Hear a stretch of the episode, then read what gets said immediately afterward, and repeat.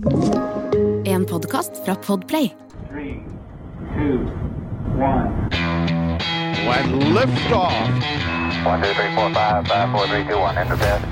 Okay, we checked all four systems, and there you go on modulation, all four, and team with a go. Quality base here. The Eagle has landed. Vi begynner med å ha et litt sånn hasteinnkalt eh, redaksjonsmøte, Eirik. For det er et par ting eh, vi må si.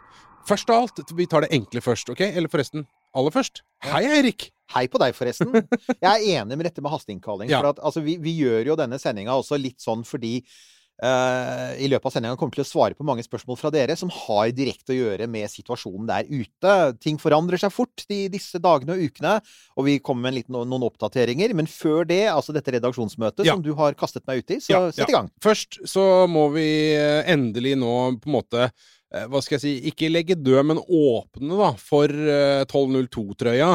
Ja! Nå er altså mitt hus, mitt, mitt inngangsparti, fullt av kasser med T-skjorter.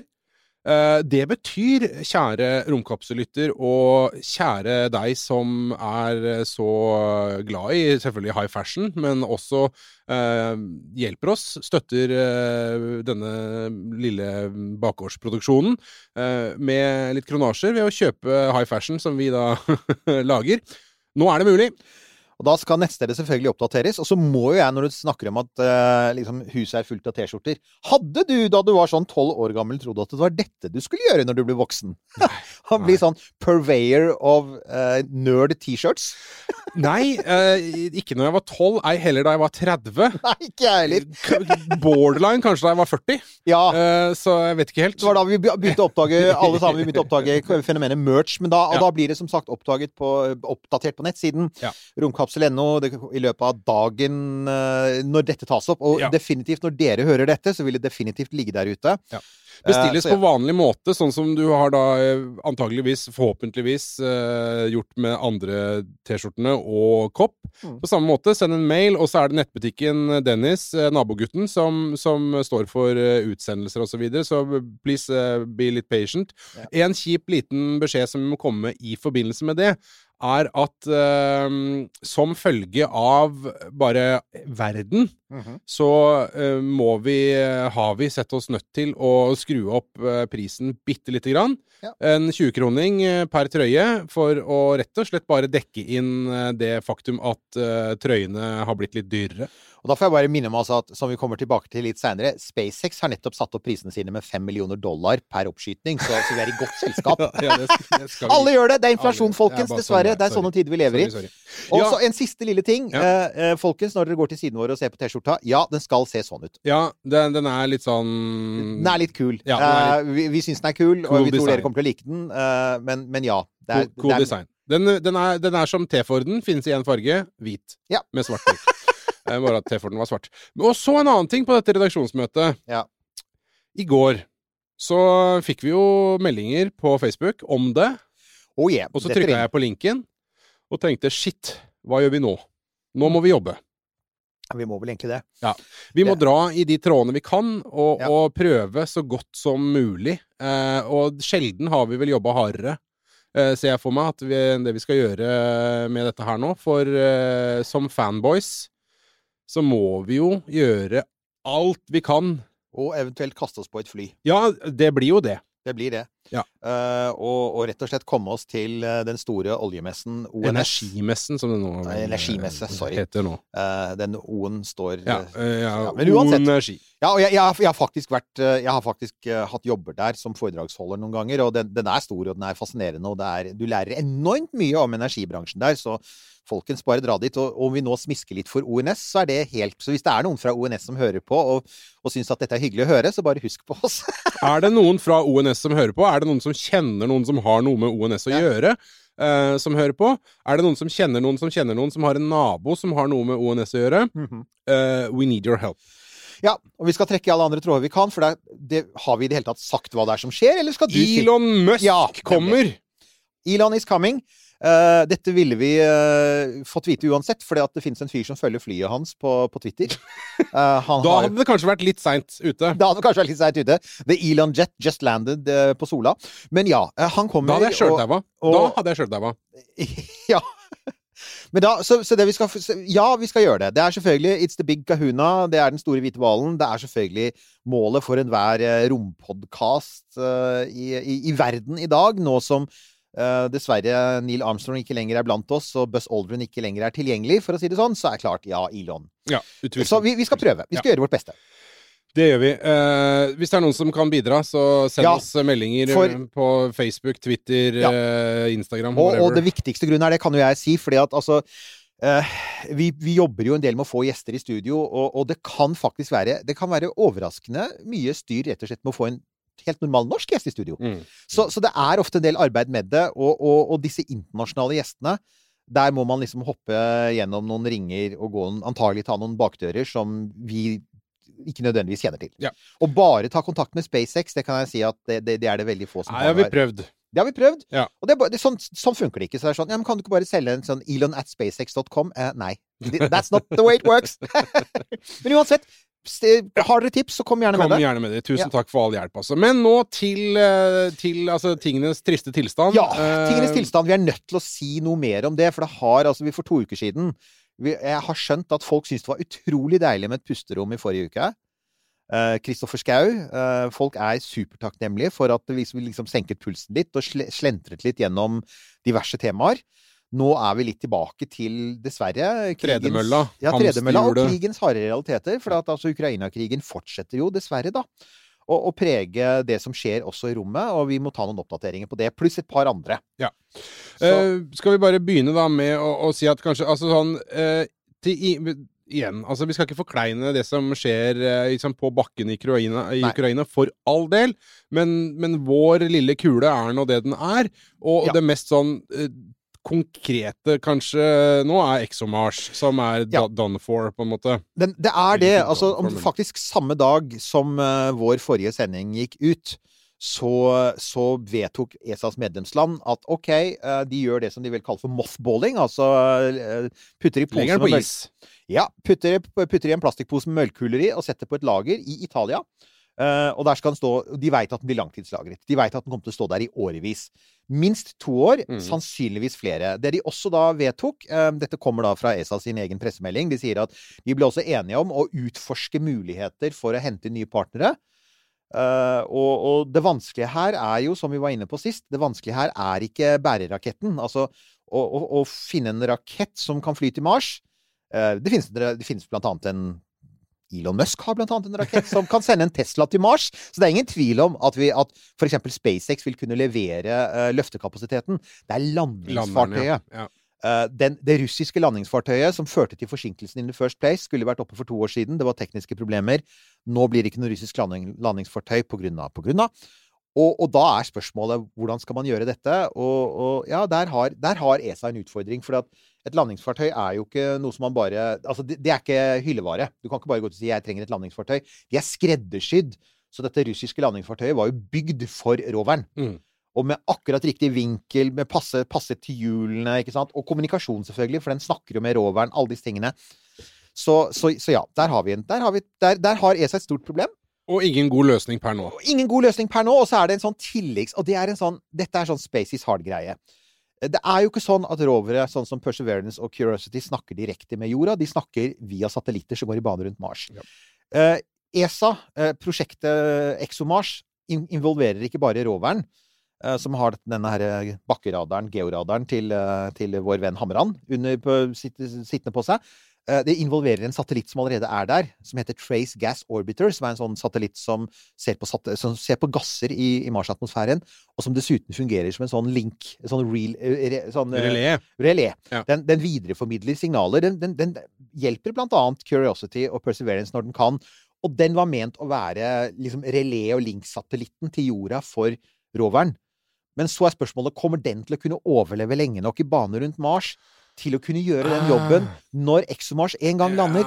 Det er da enda en sånn ting som ESA uklart, ja. ESA tror det skal gå. De tror at den vil holde seg i live, men det er noe som kan gjøre prosjektet sjukt mye dyrere, så Ja, for tru kan man ikke basere det der på. Nei, og det er sånn takk for den, uh, Dimitri Rogozin og Roskosmos, for at dere ikke bare har uh, Altså, det, kan bli, det kan bli fryktelig mye dyrere, er egentlig poenget. Ja. Man håper det ikke blir det, men skal det sendes av gårde en, en satellitt til, så, så øker prislappen enda mye mer enn den allerede ser ut til å øke. Så ja. Men du nevner Rogosin. Oh, yeah. altså, Hva skal vi si? ja, Han er på Twitter. Han er altså det vet vi, at han er på Twitter. Han prøver å moderere, moderere seg litt på Twitter, men noe av saken er at han er jo også på russisk TV. Vet, har du sett noen av klippene som er på russisk TV? Det er helt crazy. Altså, eh, du bør ikke se det hvis du vil sove om natten, for de snakker jo helt åpent om å, å atombombe oss alle sammen, og vi er jo fascister hele gjengen, og det, det er helt vilt. Ja, vi er nynazister, ja. Vi er nynazister Ja, hele ja, gjengen, ikke sant? ja, Eh, Så vi får avslutte her med Horst Wesselid og alt mulig sånn. Men altså, han har vært ute, og for det første så, så Selvfølgelig, han sitter nå med denne raketten som ikke skal noe sted, det er Rocket to Nowhere. Eh, Og han sitter også med et landingsfartøy som ikke skal noen steder. Og han er da ute på jakt etter nye partnere. Så han har vært ute og etterlyst eh, Han har lurt på om Kina kanskje kunne hjelpe, hjelpe dem. Jeg tror at Kina kanskje er litt sånn Jeg tror de er litt forsiktige med hvor mye de Altså, USA har allerede en boikott av Kina i rommet. ESA har per nå ikke noen boikott av Kina i rommet. De samarbeider faktisk med kineserne. Men hva ESA gjør dersom Kina stepper inn og bare overtar det der landingsfartøyet og raketten som Ja, Ja. som ExoMars skulle ha hatt. Altså, jeg tror det er ganske mange trigger-happy folk i ESA som da vil bare trekke i avtrekkeren og si vet du hva, da stopper vi Kina òg. Ja. Det andre muligheten er jo Gulfstatene. Han har sagt det, fordi at vi har ikke vi har jo, Emiratene. Emiratene, ikke sant? Ja, de har jo drevet og lefla litt eh, med, med romfart, og har jo sonde De har det. de, så Hope. ja. som det heter. Og den har jo send, sender gode data. Så, Ja. så teknisk sett så er de jo i stand til det, kanskje. Men det han sier, er at han, han ønsker seg investorer med penger og teknologi. Og jeg bare tenker hvis ikke det er litt sånn sad, er ikke det hele Russland i et nøtteskall.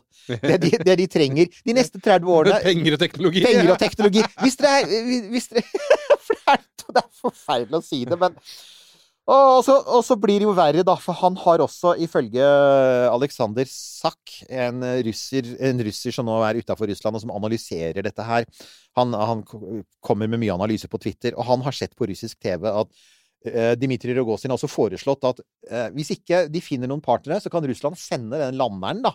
Den vil jo stå stille, men de kan plassere en robotoverkropp på den landeren som den, med sånn hode og armer som skal se seg ja, det, er, det er helt Hvis du begynner å se for deg en liksom sånn eh, en litt, litt sånn skrekkfilm Det er sånn frankensteinsk eh, Mars ja, Ja, Ikke ja, en ja. rover engang, men bare en sånn eh, bøye som de har sendt og satt på Mars. Ja, en slags sånn Mars-kentaur. eller noe sånt. Så det sånn, Hæ? Det er, men det det egentlig forteller da med jakten på folk med penger og teknologi, er altså Roskosmos er ganske De er ganske desp. Ja. De er det. De er på jakt etter altså, De har ikke penger selv. fordi at de har jo skru, altså, NASA har jo fora dem med masse penger opp gjennom alle år. Nå mister de den pengestrømmen, og, og det står ingen klare. Og de har nettopp eh, gjort forferdelig De har nettopp gjort seg til uvenner med ESA, så ja. Nå, ja, for det kan vel tenkes at uh, Roskosmos kanskje ikke var top of mind uh, da Putin trøkka på avtrekkeren uh, her. Uh, Nei! Det. Det Så kan nok- jo hende at de også er litt trengt opp i et hjørne, og så reagerer litt som en sånn skada bikkje. Det er nok sant, men det er et sånt veldig godt eksempel på at eh, altså, den derre gamle greia med at eh, altså, Hold munn istedenfor å åpne munnen og avsløre Ja. hvor kunnskapsløs du er, på en måte. Ja. Hvis, han, hvis han hadde sittet stille i et, et hjørne og bare nikket når Putin eh, kom med sine galskaper, så hadde det vært lettere for han å klare det. Han har utvilsomt gjort ting verre. Uh, han er jo altså Du har jo også denne her svære kunden, OneWeb. Disse, Ja. ikke sant? De mistet jo fem oppskytinger og fikk konfiskert et lass med satellitter. Eh, men siden sist så har de da Vi lurte jo veldig på hvor de skulle gå hen, og vi Ja. antyda et, Et sted. et sted. Ja, det ene stedet man kan dra, på en måte. Altså, det er, det er jeg tenker det samme liksom sånn OK, jeg, trenger, jeg trenger å kjøpe et ny, ny, ny, nytt verktøyskrin, liksom. Ja, men det er, det er faktisk bare Biltema som er oppe. Ja. Så, så, det, Ja, ja. så det, ja, det endte opp, og, det passer litt, for at det er jo også lavprisalternativet i markedet. Mm. Uh, Selv om det har blitt litt dyrere i det siste. det har blitt litt dyrere i det siste. Men det er, det er selvfølgelig. SpaceX. SpaceX har denne flåten. De har nå elleve gjenbrukbare førstetrinn. De bruker veldig mye av kapasiteten sin til å spytte opp Starling-satellitter, men er mer enn villige til å ta betalende kunder, selvfølgelig. Ja, og sende opp konkurrenten da, OneWeb. Ja, Ja. og, og det OneWeb har vært veldig nøye med. De, har vært, de er supertakknemlige, så de la ut en sånn pressemelding som var sånn Å, vi er så utrolig glad for at, at uh, SpaceX oppfører seg anstendig. Og så jeg tenkte det SpaceX gjør, er at de oppfører seg som en hvilken som helst fornuftig bedrift. Mm. Ja, ja. Uh, Det er ikke så innmari mange ledige oppskytninger. Altså, det, det, det globale satellittmarkedet er ganske stillestående. De fleste satellitter er for lengst bortbestilt, så dette her er jo fin ekstra cashflow. ja, ja. ja. Uh, og vi har nettopp, som du var inne på, vi har nettopp fått vite, de har jo satt opp prisen sin pga. inflasjonen, da. Mm. Så har de satt opp prisene sine med 8% og det er ca. inflasjonen i USA nå, så det stemmer jo. Og da 67 millioner for en Falcon 9, så jeg antar at det er det OneWeb 67 millioner betaler. dollar. 67 millioner dollar. Ja. 97 millioner dollar for en Falcon Heavy. Det er eventuelt det kanskje ESA vil ha, hvis de vil ha sendt, um, sendt roveren sin til Mars. Litt avhengig av hvor svær den er. Men ja, eh, det er jo eh, Altså, det er jo Så det er nok en gang eh, gode nyheter for SpaceX. Ja, ikke sant. Ikke sant. Men du sier anstendig, at SpaceX oppfører seg anstendig. Jeg bet meg merke det. Jeg har lyst til da en liten sånn anstendighetens oase i faenskapen. Ja. Så var jo det nå da måtte, hva skal man kalle det, vaktskifte på ISS. Ja. Der var det litt sånn litt en lomme av, av håp, og, og om ikke håp, så i hvert fall en eller annen mellommenneskelig fin relasjon, da. Hvor eh, russere og amerikanere kan oppføre seg ordentlig face to face, eh, mano a mano, på en måte. Det, det var fint å se. Og her er vi venner, problemene er på Ja. jorda.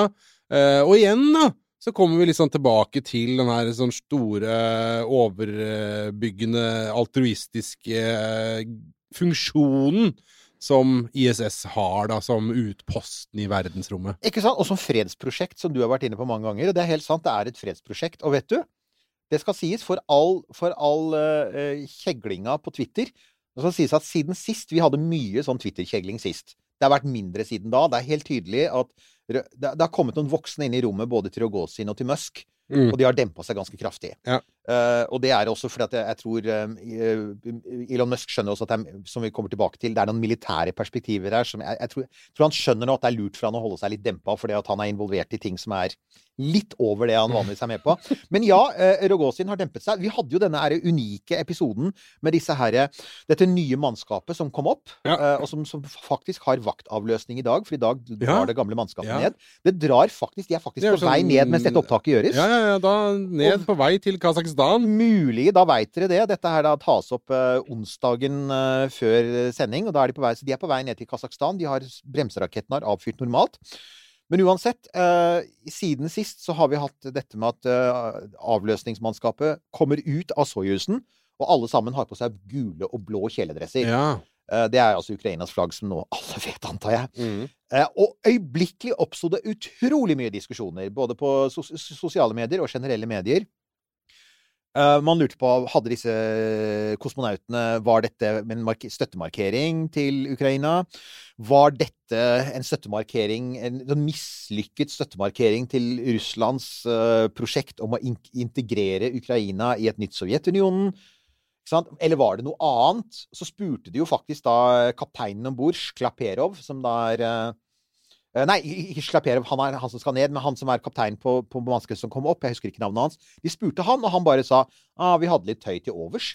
Ja, var det den, han det var veldig vag og uklar, den. Ah. der. Du har ikke tøy til overs i en, eh, i en Soyuz. Nei. Du har ikke noe ekstra Du, ikke, du pakker ikke med deg de ekstra trøyene du tror du kanskje skal bruke. Du gjør ikke det. Nei, og det er der romanalytikerne kommer inn, og de påpeker folk som kjenner Roskosmo, sier det, det stemmer at mannskapet faktisk kan velge fargene på draktene sine, eh, men det må selvfølgelig nummer én alltid godkjennes av myndighetene, og ikke minst da altså ledelsen i Roskosmos, men gjerne også myndighetene lenger oppe, hvis dette kan bli politisk. Og nummer to, det er måneder. Altså det, det, altså, det er ikke sånn at du sier 'Å ja, forresten, jeg vil ha den drakten'. Nei, nei. Som alltid i romfarten så er det planlagt i måneder. Så fargene på disse draktene har sannsynligvis blitt planlagt før Ukraina-invasjonen. Eller i hvert fall uh, like etter at det skjedde, og definitivt før det gikk så innmari dårlig for russerne i Ukraina. Så, så det er ikke noen spontan reaksjon, som de sier. Altså, Herregud, man ser jo Altså, de blir jo sjekket opp av stolper og ned av vegger. Eh, vi, vi skal ikke engang snakke om hvilke deler, eh, hvilke deler av kroppene til disse kosmonautene Det var vi vel for så vidt innom med Nima, så men, med Nima, ja.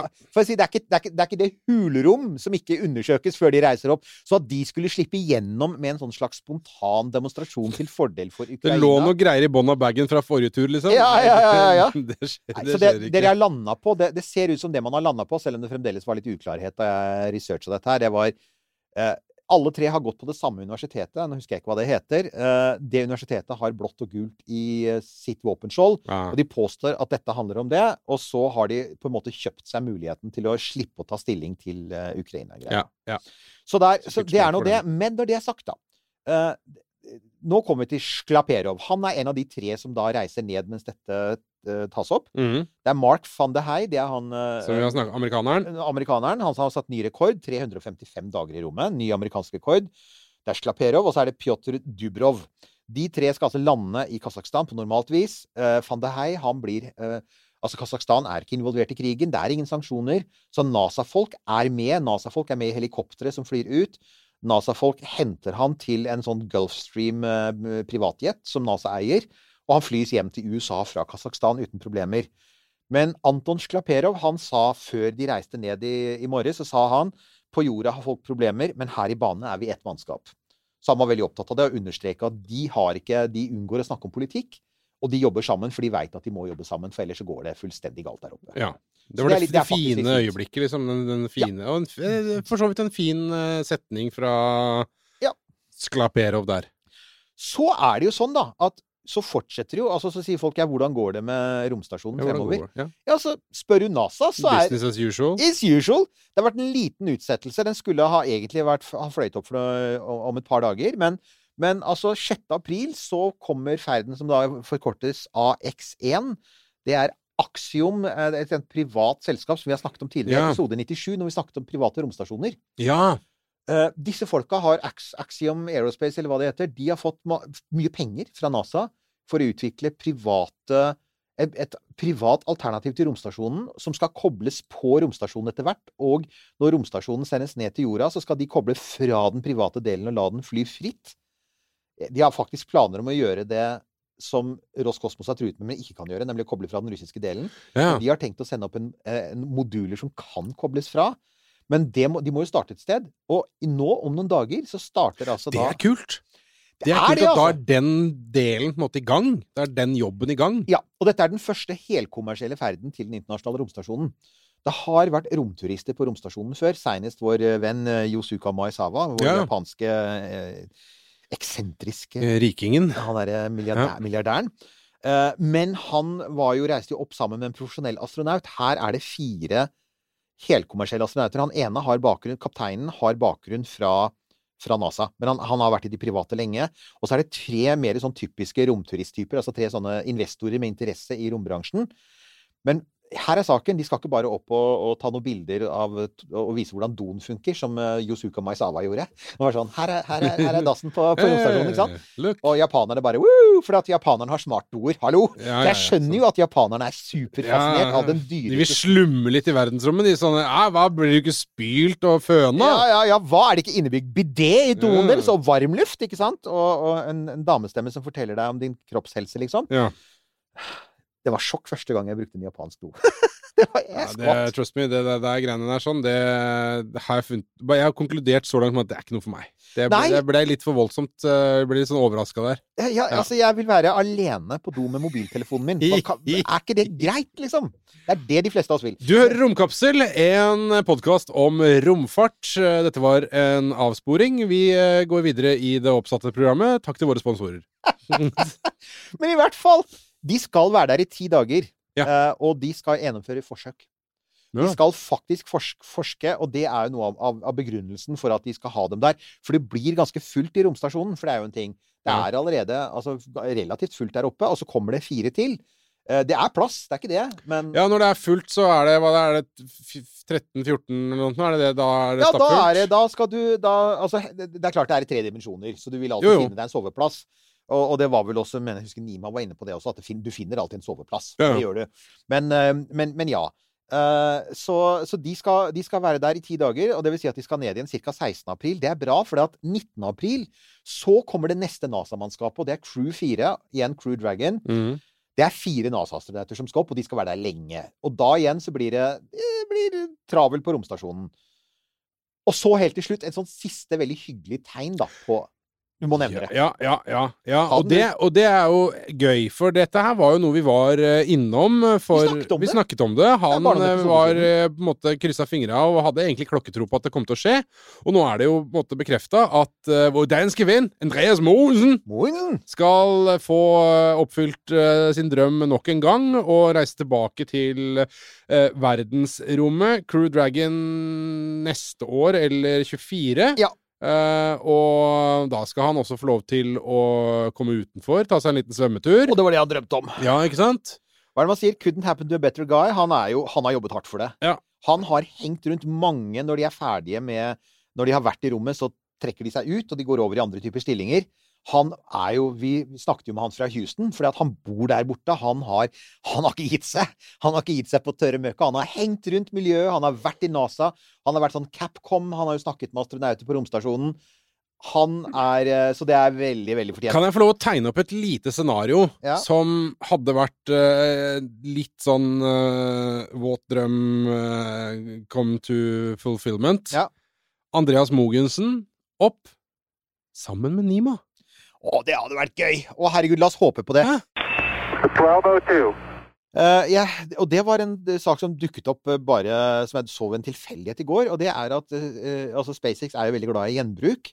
Uh, disse kapslene Crew Dragon, som også skal sende opp Crew eh, 4 eh, Crew Dragon blir gjenbrukt. Og nå Ja. har SpaceX bestemt seg for, i påvente av at de skal få opp denne nye, store raketten sin De har ikke tenkt å bygge flere Crew Dragon-raketter. De skal ha Åh. fi kapsler. De skal ha fire kapsler Ja. som skal gå på sirk, og Ja. som de skal pusse opp etter hver ferd. De skal fortsette å lage reservedeler. Det er eh, Gwyn Shotwell, eh, daglig leder i SpaceX, som har sagt dette til eh, internasjonale medier.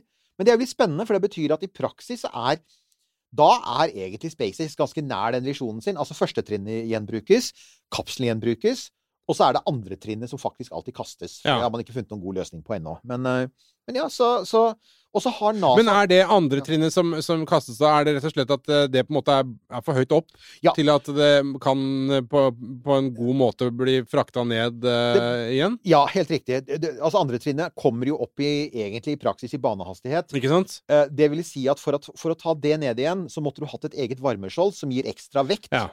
Og du måtte ha- også hatt en fallskjerm, og du måtte ha hatt noe infrastruktur på bakken. Det har faktisk vært sett på det. Tidlig i, da man begynte å se på gjenbruk av eh, Falcon 9, så veit jeg at det ble gjort noen sånne interne studier hvor man så på liksom og, og i prinsippet så er det mulig, men i praksis så kom det til at det er sånn kost-nytte. Ja. For at de masseproduserer disse trinnene. Eh, det, det ville koste antagelig mer å hente det ned igjen. Ikke bare med tanke på ekstra varmeskjold og at du taper masse du kan sende opp i rommet, men også selve logistikken rundt å fange opp denne saken på vei ned fra verdensrommet. Så, det, ja, så dette andre trinnet, det, blir det nå, brenner det opp i atmosfæren, eller forsvinner det ut som det, det brenner opp i atmosfæren. garbage, Og stort sett så klarer alle andre trinnene å brenne opp over, de, over den delen av Stillehavet Ja, hvor de skal brenne opp. Så var det vel, I fjor så var det vel i hvert fall ett sånt uh, andre trinn som brant opp i atmosfæren over Nord-Amerika, men det er veldig sjelden. Det, er, Ja. det var en feil. Ja, og så var det noen greier med noen beter som skulle treffe månen og noe sånt noe, men Jo, som men viste hva? ikke være SpaceX. Det var ikke eh, SpaceX, der, det var ikke Kina. Men altså, Ja. nå nekter kineserne nå, så nå lurer jo alle Ja, på hva dette var for noe. Og hva var det? Ja, art, art, art, art. Uh, Conspiracy colon go. Jeg bare sier Putin, jeg. Putin. ja mua, mua, mua, mua. Ah, oh, mua, mua. Ja! Mm. Alien Artifact, bare så det er sagt. Hør på forrige episode. Ikke sant? It's out there. Og så en siste lille ting som er sånn tegn på at NASA håper og tror på romstasjonen. Um, de har bestilt tolv nye cargoferder til romstasjonen. De har nettopp booka inn det. Seks fra SpaceX med Cargo Dragon, altså ikke Crew Dragon. Ja. Og så er det et selskap som heter Northrop Grumman, som har ansvaret for de andre. De, har en rakett som heter Antares, og en, en, en kapsel som heter Cygnus, en sånn transportkapsel. Problemet er at Northrop Grumman de er rammet av krigen, fordi at de får Ja, delene stemmer. sine fra Ukraina Ja, og for Northrop Grumman, det er en sånn god, gammel oh, ja. eh, Ja, ja, ja. flyprodusent. Ja da, og de har eh, vært med De har bygd Ja. masse deler til De har vært langt inne i amerikansk romindustri siden 50-tallet, så de har lang erfaring. Men de baserte seg på å hente outsourca deler fra Ukraina og Ja. Russland. Og der de er nå, så får ikke de og, Så der foregår det nå en diskusjon. eh, Altså ikke i selve selskapet, for de gjør nok sine egne vurderinger uten å gå ut med det, men, men i, på romtwitter, som jeg av og til henviser til, der er det nå svære diskusjoner om Av og til. Mm. Av og til. Ja. Der er det en stor diskusjon som er rett og slett hvor skal Northrop Grumman hente delene sine? Ja. Uh, det ville jo vært veldig rart om de også gikk til SpaceX, da. Ja, var, jo, men det var akkurat det jeg satt og, det var det jeg akkurat satt og tenkte på. For det ville det vært helt usannsynlig at for eksempel SpaceX solgte eh, motorer til eksempel Northrop Grumman eller, eller noen andre, så kunne de gjort det det. er ikke helt utenkelig. Og, så fin, og det fins jo altså her, Og her er jo greia. Her ser vi veldig godt eksempel på hvor utrolig uheldig det var for Altså hvor, hvor dumt det er å skynde seg langsomt, som Blue Origin, selskapet Jeff Bezos, gjorde jo det. De skynda seg langsomt. Fordi at når krisa dukket opp de, Det de ville slå seg opp på, var jo å lage motorer. Ja. De skal, jo, de, de skal jo lage motorene til United Launch Alliance, som er den store konkurrenten til SpaceX, og som ikke lenger har flere eh, raketter å selge, fordi at de har book- booket bort alle. Mm. Og de har enda ikke fått sin nye rakett opp i lufta, fordi at eh, Blue Origin har somlet med sine eh, raketter, rakettmotorer. Og, og, og, og vi vet at Blue Origin var villig til å selge de rakettmotorene til alle amerikanere som ville kjøpe dem. Men de har dem ikke på markedet, så dette er et veldig godt eksempel på at nå, nå sitter de i praksis bare i, i veikanten og er irriterte, fordi de ser at alt som, alt som kommer inn av penger og, og godord og, og god PR og alt mulig, går til uh, han der eh, galningen med Twitter-kontoen. Mm. Så- Ja, Rogozin, mener du?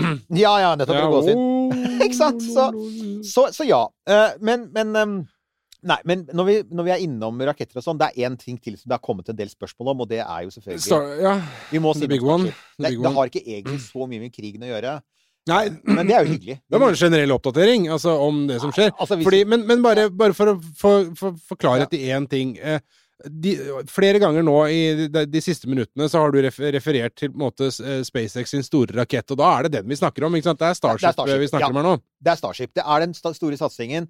Det er raketten de har holdt på med nå i flere år. Det er den de drev og testet i fjor, og det er den som i praksis har stått på vent nå i ja, snart et år, er det vel. Ja. Uh, og, og i utgangspunktet så handlet det om Det har handlet om to ting. Det ene har vært en miljøgodkjenning som, ikke, som, som skulle ha vært klar i desember. Og så, så ble den utsatt i februar, og så ble den utsatt i mars, og nå er den utsatt til ut april. Det var det siste jeg så, var Ja. at det er kommet nok en utsettelse. Eh, Elon Musk var ute på, på Twitter og sa at eh, han mente at oppskytning i mai, en første prøveoppskytning i mai, var realistisk. Um, og det, en av de tingene han sa, var at det vi har sett stilt opp på oppskytingsplattformen i Boca Chica, er ikke det som kommer til å fly opp. Nei, stemmer. For at det, det som sto der, skulle aldri opp, det. Det, ja, altså, kanskje tenkte man det opprinnelig. Hadde vi skutt opp i fjor, så hadde de gjort det. For de gjorde noe test på det nå nylig, med noe sånn Ja. trykktest og noe greier. gjorde De ikke gjør det. De driver og kjører Ja. litt sånn trykktester og sånn, men, men, men, men han har vært helt tydelig på at nei, det blir neste versjon med oppgradert hardware, og ikke minst med de nye rakettmotorene, fordi at rakettmotorene på versjon 1 ikke var gode nok. Så det blir i praksis et helt nytt romskip som er under bygging, og som han sier kan være klart til, til, til mai måned, men det er veldig få som egentlig tror at det kan skje noe i mai måned. Fordi eh, altså, hvis miljøgodkjennelsen er utsatt til slutten av april, så kan den fort bli utsatt til slutten av mai. Eh, og, og ting tar tid. Men, men eh, Og så vet vi at Elon Musk har en tendens til å være vel optimist når han setter sånne tids... Det er sant. Men, men det må også sies her, da, at nå tror jeg faktisk på at han virkelig haster. eh, Det, haster. Fordi at han, at han er stressa av dette nå, det er det ikke noe tvil om. Tidligere så har han vært ganske chill på det. Ja. Sånn Ja, vi skyter opp når vi skyter opp. Han begynner å se. Det er, det er, noen, det er noen klokker som tikker her. For det første, Starship trengs for å skyte opp Starlink. Satellittnettverket hans. Som nå, nå skyter de opp en Falcon 9-rakett i uka. Ja. Den, den frakter opp noe sånt som 50, 50, 50, 50 ja. satellitter i slengen. Som andre ord, hva blir det? 2500 maks i løpet av et år. Ja. Eh, nettverket skal være på 12 000 i minstekonfigurasjon, 40 000 Ja. i makskonfigurasjon. Do the math. Tenk også på at satellitter konkurrer ut etter noen år. Ja. Med andre ord eh, Men har han Er det så mye som, måte, for å bruke godt norsk, rider på, eh, på Starlink for Elon Musk at, at det er så prekært?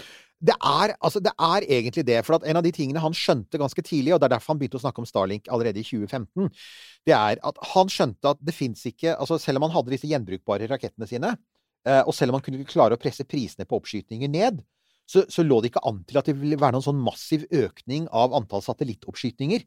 Satellittmarkedet på, på jorda er egentlig ganske begrenset. Eh, og det var derfor han fant ut at, at hvis, han, hvis han skulle skape etterspørsel, måtte han skape den selv. Og det var da han kom på ideen om å ha et, et internett fra verdensrommet som kunne bli en pengemaskin. Og, og tanken var jo eh, han hadde regn, altså Regnestykkene sa at med et fullt operativt Starlink med, med massevis av kunder over hele kloden, så var håpet at man kunne ha et overskudd på mellom sånn 20 og 30 milliarder dollar i året. Og det ville i praksis gi SpaceX et budsjett på linje med NASA. Og planen var å ha et privat NASA med fullt NASA-budsjett, og så kunne fokusere på Mars. Mm. Men for at det skal funke, så må du altså nummer én ha et fullverdig Starlink. eh, og, og, og du må ha alle kundene på plass. Og så lenge Starlink ikke er komplett, så vil kundene oppleve at du f.eks. ikke alltid har dekning. Nei, nei, nei, det, det, er, det er Så, så, så det, han sendte jo i fjor høst så sendte han jo den der legendariske e-posten til de ansatte, hvor han sa folkens, hvis ikke vi fikser Starship i løpet av 2022, så kan hele selskapet gå konkurs. fordi at de brenner jo penger Jo, på dette Mars-prosjektet sitt. Ja, det koster masse penger. Ja. Og de har noen kontrakter med NASA, men det er jo, det er jo altså, altså NASA har gitt dem hva er det for noe, 2,5 milliarder dollar, som er vanvittig mye penger. Men vi snakker, om, vi snakker space her. Eh, 2,5 milliarder dollar, det brenner du fort igjennom. Så, så ja. Han sier at du trenger så For det første, Starship må opp i løpet av 2022 for å kunne begynne å sende opp massevis av Starlink-satellitter. Ja.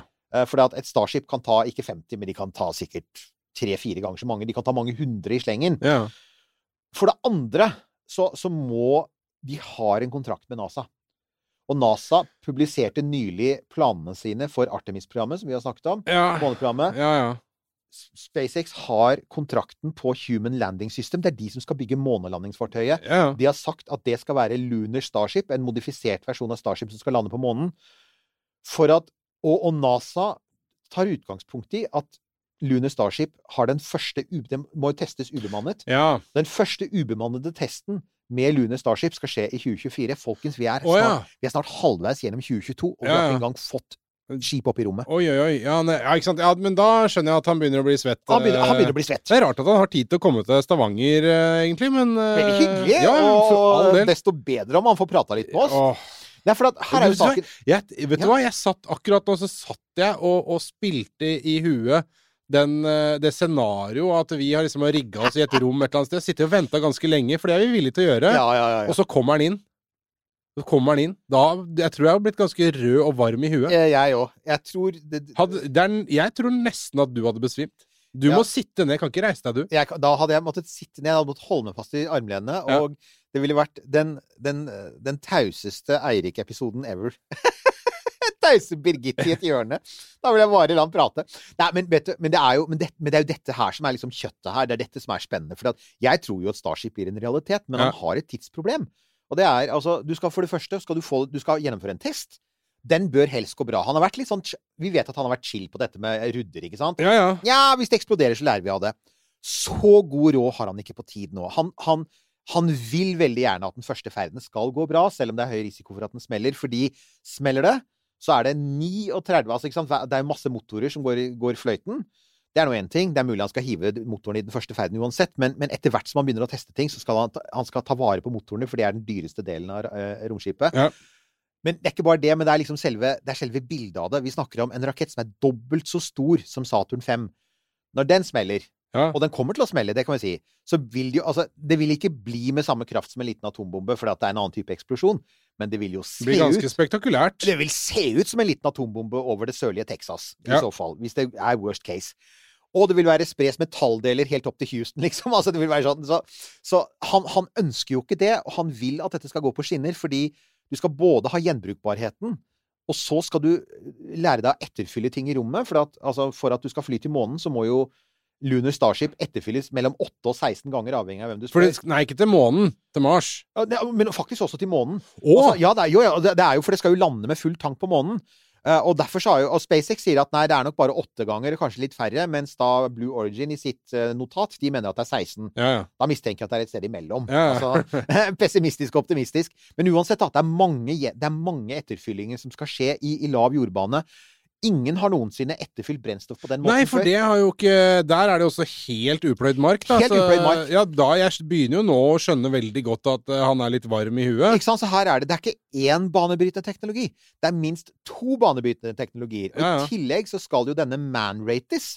Det vil si, den skal jo da? Ikke sant? Den skal jo, og, og det tok jo mange år å, å, å få manrate av Falcon 9 for at de skulle sende opp uh, Crew Dragon. Eh, dette er jo NASA, så, så altså, hvis, altså hvis, noen vil, hvis noen private vil fly opp med dette her eh, med Starship, så kan de selvfølgelig gjøre det. Men, men dette er jo NASA-astronauter. Det er tre Mm. NASA-astronauter om en kanadisk, eller er det en eh, Jeg tror det er en kanadisk astronaut på den første måneferden. Eller muligens en ESA-astronaut. Men uansett, da. Det, da skal jo det tilfredsstille kravene til NASA og Canadas og ESAs Mm. romorganisasjoner. Ja. Og de er fryktelig strenge. Ja, og bare papirarbeidet der tar jo Kan du tenke deg. Ja, det det- er det byråkrati. Det I tre skje eksemplarer. Gjennomslagspapir og stempel. Ja, minst. Ja, ja, ja. Ja. Du ser for deg liksom han duden som sitter på det kontoret og liksom blar Han sitter Ja. akkurat nå og blar seg med gjennom miljørapporten. Tar seg god tid. Altså, så, eh, eh, så og, og da, midt oppi dette, da, for å gjøre han litt mer stressa, så har NASA nå bedt om bevilgninger til enda et månelandingsfartøy. Det har også skjedd siden sist. Å ja. Ja, Så ja. de, eh, de, de setter ikke alle penga sine på, på én hest her, altså. De skal ri en til? De skal det. De har bedt om 500 millioner dollar i ekstra bevilgninger Ja, ja, til et Human Landing System nummer to. Da må de inn i en ny anbudsrunde, og selvsagt, der kan ikke SpaceX by. Nei. Så da blir det, Blir det Bezos, da, som får den? Ja, eller så finnes det et annet eh, nei, sånn der, Det var et annet alternativ som egentlig så mer realistisk ut. Noe sånn derre Jeg husker om det var det, det, det, sånn National Alliance eller noe sånt. Sånn Åh, amerikansk sånn Tenk allianse. deg Bezos, da! Tenk deg Bezos når den anbudsrunden er slutt, og de kårer en vinner, og det ikke er han. Å, herregud! Da Da, da det kommer til å gro, umiddelbart, spontant, vokse ut horn av den flotte, blanke issen hans. Da går han på shopping etter eh, private atomvåpen og skaffer seg en hvit katt. Det er jeg helt sikker på. Helt sikker på. Begynner å Men, eh, bygge, bygge ut i et sånt krater. Ja, for, for, for NASA er helt, altså de er jo helt tydelige, de har skjønt det nå, at, at tids, tidsskjemaet til Ja. SpaceX er superhardt. De kan levere, men det er en ganske stor Men her er det, da. Han- Men, men, men altså, Ja. tids, la meg bare gå tilbake på det der, for det er tidsaspektet på hele Artemis. Ja. Var det da 2025? Var det det de ja, det er, sa? altså Artemis For det er han oransje mannen med, med det Ja. lange, flagrende håret. Uh, han sa jo 'Boots on the Moon' Hva da, 2024, var det det? Han sa det. Han sa Men innen så 2024. eh, var det vel alle etterpå som sa at det der det er ikke spesielt realistisk. Nei. Uh, og det, det, that's ain't, that ain't gonna happen. Men er vi på 2025 nå, eller har vi Altså, liksom døtta det litt på all things 2025 er fremdeles det man ønsker seg, men, men her er saken. Altså, Artemis er jo ikke som Apollo. Det er ikke veldig høyt tempo i, i, i fremdriften her. Så Nei. Apollo hadde jo ca. to landinger i året, ikke sant? Ja, ja. Her er første landing i 2025, andre er i 2028. Ja, ok. Så- Første, første bemanna landing? Første 25? bemanna landing, ja. Ja. For det er masse ubemanna, helt riktig. Så, første, så første mannskap på månen, og kvinnskap på månen, blir i 2025-2026. Andre blir i 2028. Og det slingringsmonnet, det tror jeg godeste Elon er veldig glad for. ja, ikke sant? For det betyr at det er ikke et stort tap av ansikt for dem om de da faktisk bruker litt lengre tid. Uh, og NASA er nok klar over at det neppe blir 2025. Ikke sant? Men det det betyr, er at det er bare fire år til det skal stå et fiks ferdig månelandingsfartøy på månen. da. Ja, ja. Med uh, live support, månedrakter, eh, og alt skal funke, og det skal være man-rated og sånn. Så, så SpaceX må skynde seg, og det er derfor du ser det, det, det, det, er derfor du ser det du ser i disse Ja. dagene her, Ja. om at ha, han stresser litt. Og det, Ja. er, det er forståelig. Så ja. Fair enough. Fair enough. Og så er det da selvfølgelig SLS som eh, er, er rullet ut. Ja. Den store, Ja. Det er den store konkurrenten. Altså, det ser veldig fint ut. Det ser jo utrolig spektakulært og flott ut der den står. det gjør det. Det gjør det. Får litt sånn der frysninger på ryggen. Ja, eh, og det blir Jeg tipper Der vi er nå, så tipper jeg at SLS kan fly før Starship. Og i så fall så blir det den største oppskytingen vi har sett siden Altså da ikke Apollo 17, som var den siste i 1972, men Skylab, Ja. som var den siste Saturn 5-oppskytingen i 1973. Så vi snakket jo mer Og det ble, dette er Artemis 1-ferden, som vi snakket om i episode 105 eh, januar i år. Så hør litt mer på den hvis dere vil høre hva som skal skje. Det skal ikke sendes folk, det er en ubemannet testferd. Men det er spektakulært likevel. Ja, det er spektakulært sånn som det står nå. Ja, ja. Det er et eller annet med det hvite-oransje mot liksom Ja, blå himmelen. ja, ja, Og- meg altså. og- Også på den crawleren. Det, det er jo altså Det var jo sånn alle Jeg skal jo ikke si bruke ordet guttedrøm, for det blir helt feil i våre dager, men ja. Altså, jeg er jo jeg er 57 år gammel, så jeg kan si at jeg hadde en Ja, guttedrøm. det si. Og det var selvfølgelig Det var noe av det feteste som fantes. Det var å vokse opp og se den der svære crawleren drive og frakte Ja. ut først Saturn 5, og så romferja, og nå frakter den Artemis. Ja, det er gøy. Det er, altså Da må jeg bare få lov til å komme med en liten avsporing. Jeg har nevnt det før, men det, jeg tenker på det hver eneste gang jeg ser eh, de crawlerne. Ja. Og det er eh, den tingen jeg husker som eh, Doris, eller hva nå hun het, som satt i den bussen og guida oss eh, som vi var på sånn uh, Ja. tour of uh, the, the grounds der borte på Cape Canaveral. Uh, og hun fortalte om denne veien som, Ja. som disse her crawlerne kjører på, Ja. eh, hvor, hvor steinene er importert fra sånn Bahamas eller et eller annet sånt, fordi de skal være slepende av vannet for at eh, disse stålbeltene til crawlerne ikke skal skape gnister mot steinen. Og det, var sånn, det er en sånn bitte liten detalj som jeg aldri kommer til å glemme. Det er sånn Her har det sittet folk og tenkt. Her har det sittet folk og tenkt, og de har hatt nærmest ubegrensede budsjetter. Altså, det, var, det var the glory days. Det var da hva var det, NASA-budsjettet var noe sånn som 25 da, eller, altså, det, var, det var helt sinnssykt. Men det er jo helt sant. Det var jo the glory days, og de hadde råd til alt. Og Ja, ja. nå er vi liksom litt mer på Vi veit jo at SpaceX helt klart er liksom mer over på biltemapris uh, når det gjelder løsninger og sånn, og det er litt mer sånn makeshift. Men, men ja, nei, det er gøy. Ja. Så vi gleder oss selvfølgelig. Hallo. Er? Gleder oss som bare som barn til å se en ny kjemperakett lette, og, og sjansene for at det går bra, er veldig høy, for at den er testa i alle bauger så det, jeg tror det går bra. Ja. Vi må dessverre litt tilbake til krig igjen. Ja. Nå hadde vi det gøy med SLS, og vi gleder oss til oppskyting, men.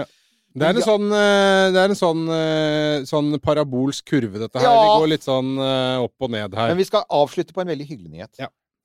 Bortsett fra T-skjorta, selvfølgelig. Ja, ja, bortsett fra T-skjorta. Jo, Jo, nei, med Rogozin tilbake ja, landet, eller? ja, for altså i forrige oppdatering så snakket vi om muligheten for at hva skjer hvis Starlink brukes militært, og hva er de juridiske konsekvensene av det, militære konsekvensene av det. Ja. Siden da så har vi nå fått bekreftet at det selvfølgelig har skjedd.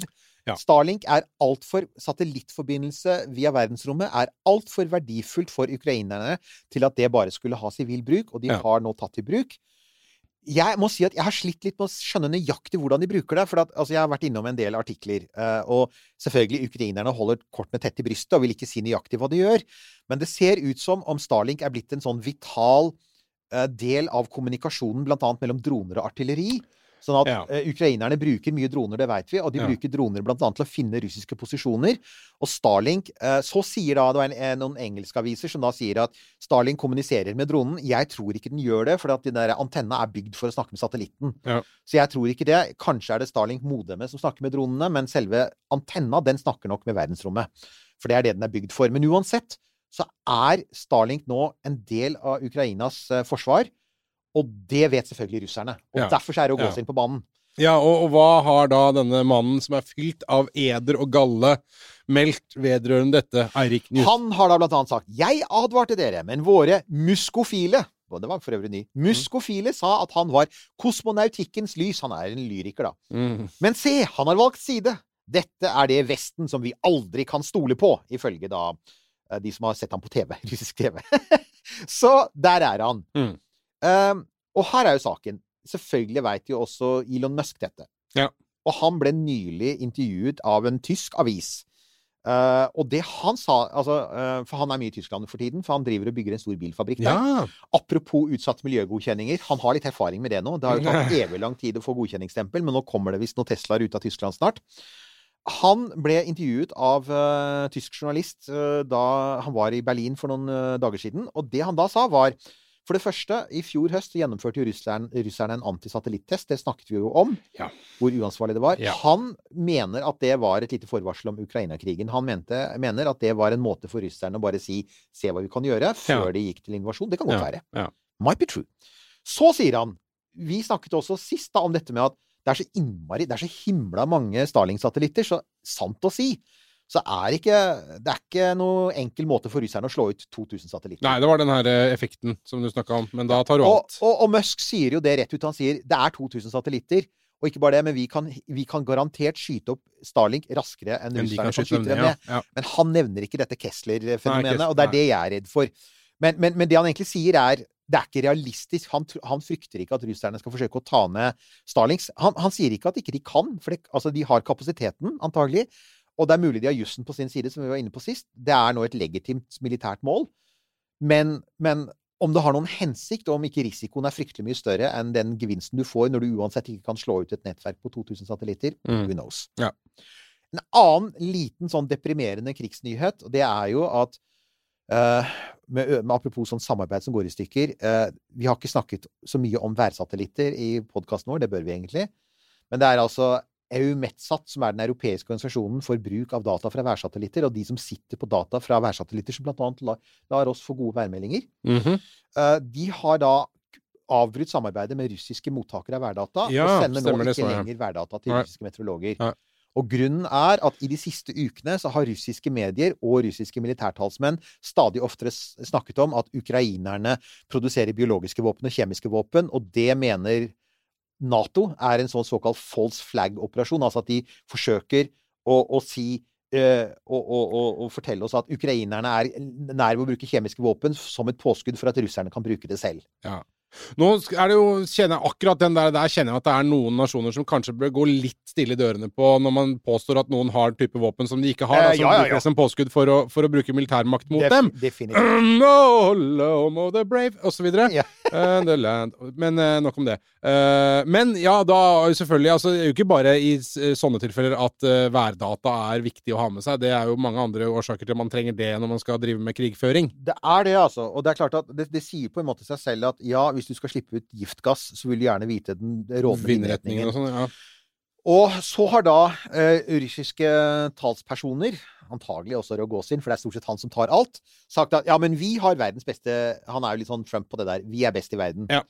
It's so awesome. It's so awesome. You, you will get tired of being awesomed. Ja. Uh, så de sier at nei, vi har så bra, utrolig bra værsatellitter, men så har da russiske det russiske luftfartsverket, eller luft, luftfartsmyndigheter, har da vært ute og sagt at for oss er dette et problem, for at vi er avhengig av gode værmeldinger for å fly trygt.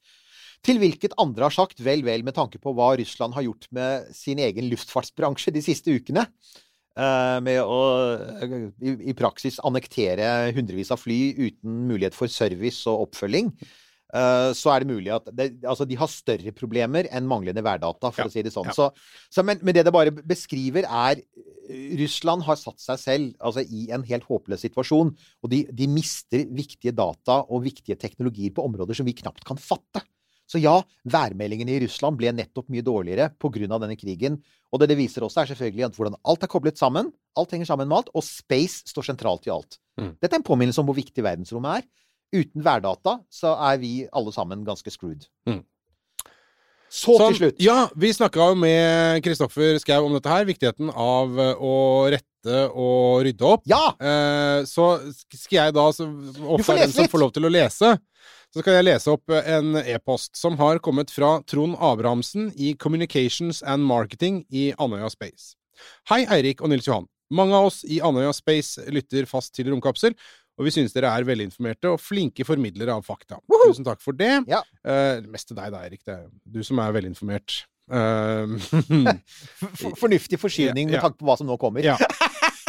Kom igjen! Vi skjønner at det er mange som er redde nå pga. det som skjer i Ukraina, og vi følger nøye med. Men NRK-artikkelen har ført til en del misforståelser, og noen av disse misforståelsene gjentar dere i episode 116. Ja, Vi sa jo også at vi håpa jo at det var en feil der, at han ble feilsitert, men Ja. videre leses. Vi har ingen planer om å skyte forskningsraketter fra Andøya med det første. Forskningsraketten det er snakk om, skal skytes fra vår base på Ny-Ålesund på Svalbard i mai. Ok, Ja. og der, der kan vi si med en gang det var feil. Så Ja. det må vi rette opp med en gang. Jeg, jeg må si at det var ikke helt lett å, å få Og de, de er enige i det, at det var ikke helt lett å se av artikkelen hvor det skulle skje, og når det skulle skje. Men vi burde helt klart gravd litt dypere i det. Og dette er uh, Så der får vi bare si det var feil. Det er Ny-Ålesund. Det er mange For eventuelle søringer som ikke er klar over geografien der, Ny-Ålesund på Svalbard er veldig langt fra Andøya. Ja. og mye lenger nord. Ja, ja. Ja. Dette ble feil, så fint vi kan få retta opp. Stor forskjell ja, på Andøya og Ny-Ålesund. Eh, raketten i mai vil ha en helt annen bane enn den i 1995, og et annet omfang, så det er greit å vite. Det er greit å vite, og, og det, det de egentlig sier, det sies ikke direkte i kommunikasjonen her, men det de egentlig antyder, er at de mener at trusselbildet er mindre. Ja.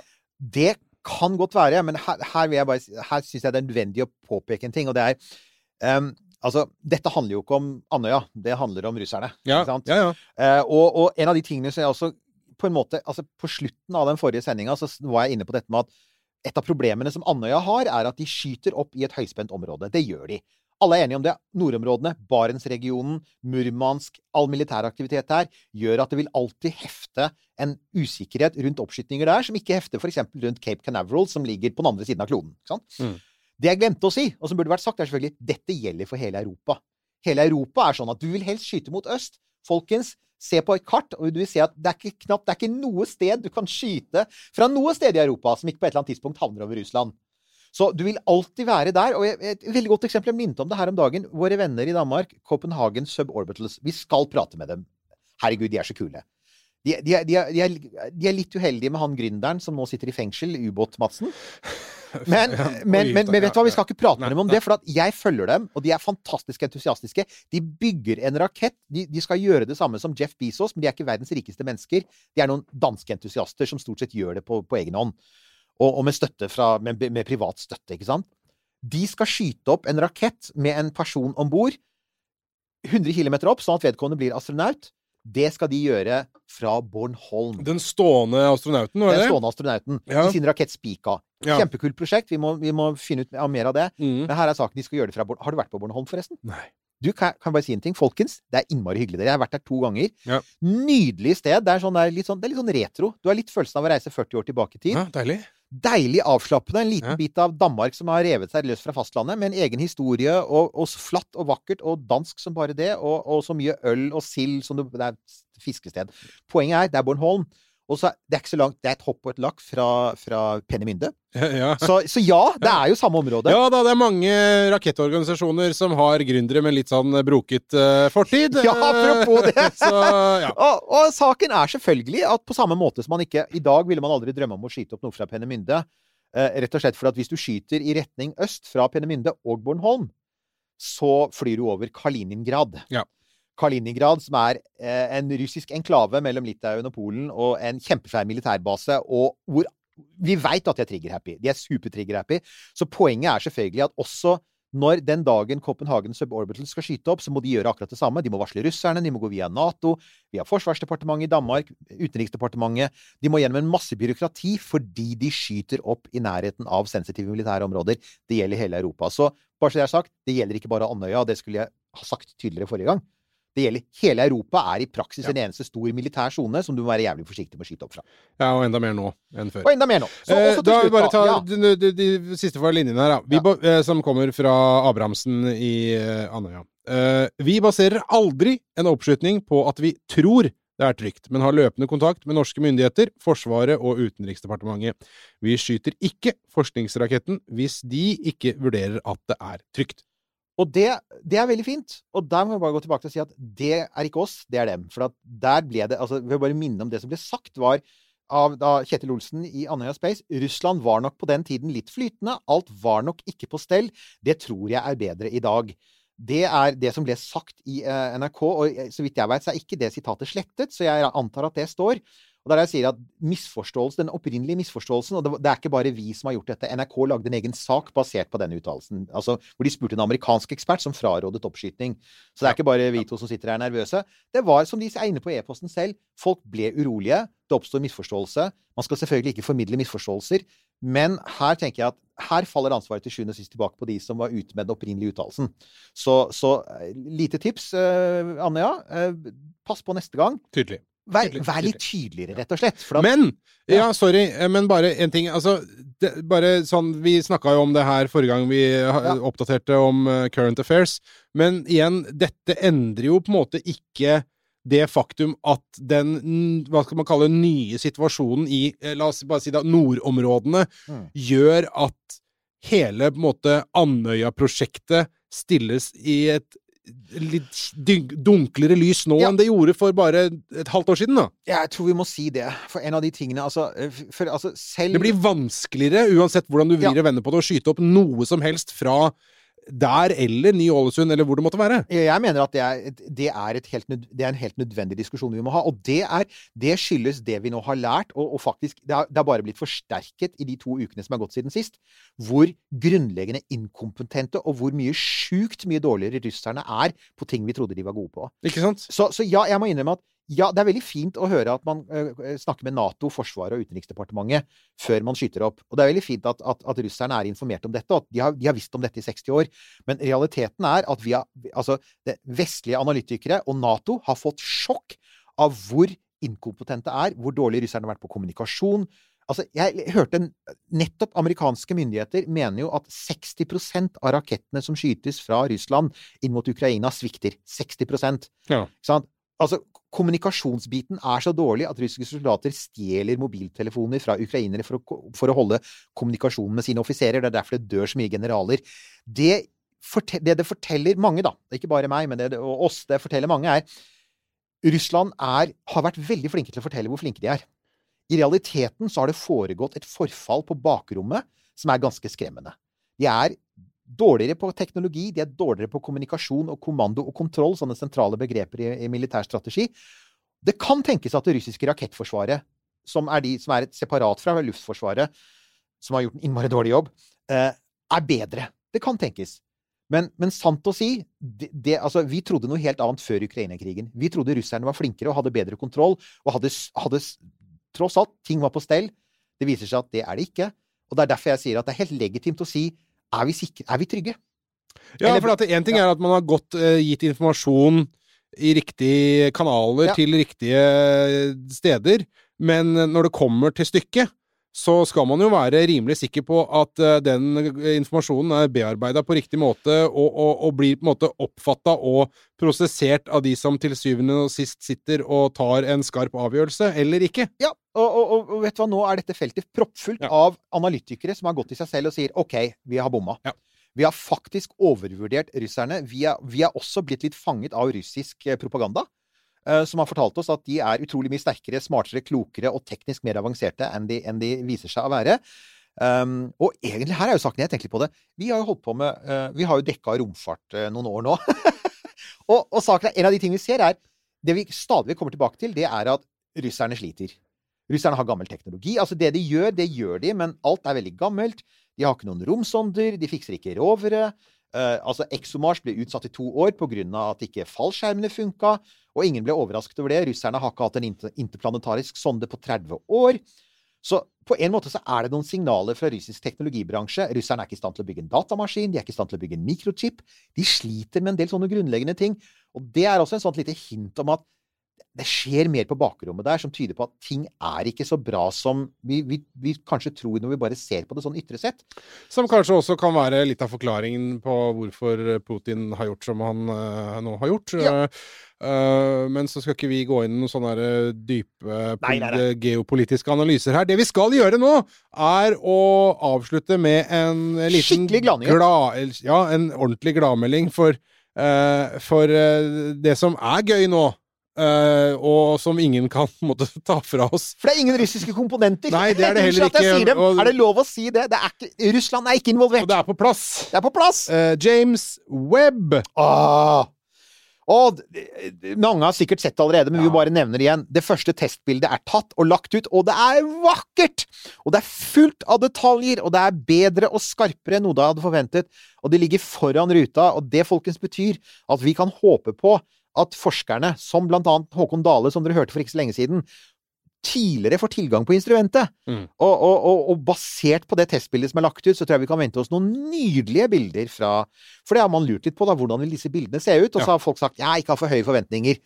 Ah, altså, so far, so good. Og jeg har sett en sammenligning av Uh, av bildet som er, testbildet som er tatt fra web, og det som er tatt med tidligere instrumenter. Ja. Og det er en helt annen verden, altså. Så folkens, det er gøy. Det er gøy. Og når Ja. vi da får eh, fokusert og zooma inn på en av disse gravitasjonslinsene til Håkon Dale, så ser vi at det ja. står eh, The Maker eh, itself står og vinker tilbake til Ah, tenker det samme. Der står, eh. Han Ah, ser, ser er ut som eh, Einstein. Ja. Eh, også selvfølgelig så er det liksom den jeg tenker også sånn Det er noe med sånn eh, Halvannen million kilometer der ute. Der svever den for seg selv. Og den driver og tar bilder, og den er helt unconcerned med alt styret Mm. og ståket her nede. Det er nesten av og til så er nesten så jeg nesten misunner web lite grann. For det, det er der ute i fred og ro, og uansett hva som skjer her nede, så kommer det til å bare fortsette å drive og peke i diverse retninger og utforske universet og, og, og oppdage nye spennende ting. Så, så ja, jeg tenker sånn Vær mer som web, tenker jeg. Åh, det var fint! Vær Ja. som web. Be like web. Ja. Ja, for Webb er jo også etternavnet til, eh, til eh, Jason Bourne, er det ikke det, egentlig? Du, det er det jo. Åh, så godt at du nevnte det. Å, å, ja, nei, Ja, da, Så da har vi liksom dekka inn alt der. Hver mer som nå, nå for nå har vi hatt Hvit katt, vi har hatt Jason Bourne, Ja. vi har nevnt Werner von Braun. Ble ikke nevnt direkte, men nå er han nevnt. Det er liksom alle de faste, så folkens, Ja. jeg tror jeg sjekket den omtrent alt på, på orienteringsløypa vår. Og hvis det skulle være noe som mangler, så, så, så får dere si fra. Ja. Men i mellomtiden så tar vi da avslutter vi nå. Vi kan jo bare gjøre en sånn Jeg kan gjøre en sånn liten ting live her. For Ja. mens vi har sittet her og pratet, så skal altså faktisk eh, Nå skal vi se, nå skal jeg sjekke romtwitter. Er det noen bilder? Skal vi se. Har de landa? For at de skal ha landet nå. Nå skal vi se. Er, det, er du inne på den der eh, nettsida som du har ved siden av Har mannen falt nå? Ja, her har vi, og Ja. det er et vakkert bilde av Mark van de Hei som sitter i en uh, stol på den kasakhstans kasakhstanske steppen. Ja. Uh, og det er ingen FSB-agenter bak han. Godt. Så det er bra. Så vet du hva, folkens? Uh, Soyuz har landet trygt nok en gang. Ting fungerer i verdensrommet, la oss ikke glemme det. Stort sett fungerer ting som de gjorde før, og så er det noen ting som er. Der var det. Ja, og så det, Ja, men det var den siste tingen på orienteringsløypa vår. Det var Nils Johan show. Singer. Sånn, da er vi der. Eh, romkapsel.no for eh, T-skjorter. Nå også med 1202-versjonen. Eh, veldig hyggelig hvis du har lyst til å drapere deg i eh, en av eh, våre high fashion T-shirts, eller drikke din kaffe, karsk eller te fra en av våre kopper. Vi er eh, som alltid på Vips for dem som måtte føle seg ekstra gavmilde. Romkapsel, Newt og Halvorsen heter vi der. Kan jeg bare si en ting helt på slutten? Det Det, var, det var litt morsomt, fordi uh, det var en som Det skjer ikke så ofte, men det hender det er noen som sier uh, det, Kan du være litt tydeligere når du snakker, Nils Johan? Og Eirik, kan du slutte å prate så fort og avbryte folk Ja, hele tiden? stemmer. Ja. Det, altså, vi vi for, Jeg skjønte poenget hans! Ja, det gjør jeg òg. Nei, men altså, jeg, jeg forklarte litt, da, hvordan vi tenker og jobber. Og han syns Han ble så glad for at vi For han trodde først at det var en standardsvar, men jeg satte jeg, jeg, Altså, jeg vil gjerne forklare at når vi snakker og holder på som vi gjør, så er det jo faktisk en bevisst tanke. Pluss en ting til. Vi er begge to menn av en viss alder. Vi kommer ikke til å forandre oss. We're set in our ways! Uh, can't teach an old dog new tricks, sa jeg. Ja. Og så sa han Fy søren, for et hyggelig svar. Jeg sender dere noe på Vips. Takk for det. Takk, for alle, takk til alle som gjør det, og takk ja. til alle som kjøper T-skjorter og kopper. Og også de av dere som ikke kritiserer oss. Det er jo selvfølgelig bare hyggelig, det. Dere må ikke kritisere oss for å betale oss på Vips. Og tusen også hjertelig takk til deg som eh, bare hører på. Du har hørt en podkast fra Podplay. En enklere måte å høre podkast på. Last ned appen Podplay, eller se podplay.no.